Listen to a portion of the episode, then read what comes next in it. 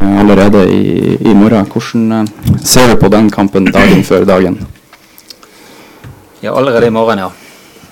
Eh, nei, det, det, er en kamp som uh, vi gleder oss uh, utrolig til. Uh, minner om at uh, mange snakker om at dette er en ekstremt uh, stor kamp. Det er en historisk kamp, det er vi helt enige om.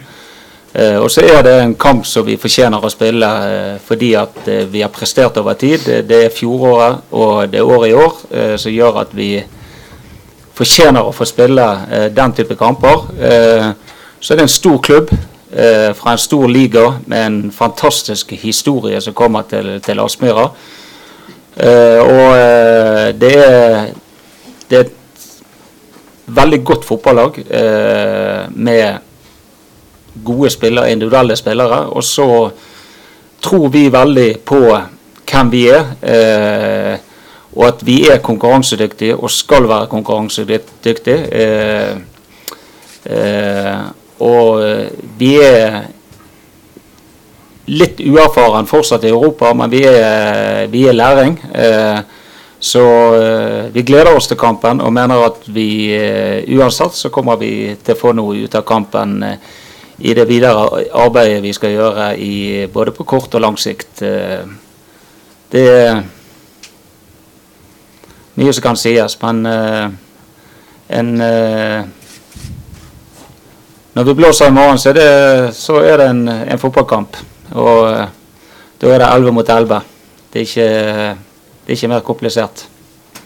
Patrick, eh, det er en stor kamp som Kjetil er inne på, eh, mot Roma. En stor motstander. Dere har litt erfaring fra det nivået mot AC Milan i fjor. Men hvordan ser du på, på det som venter i morgen?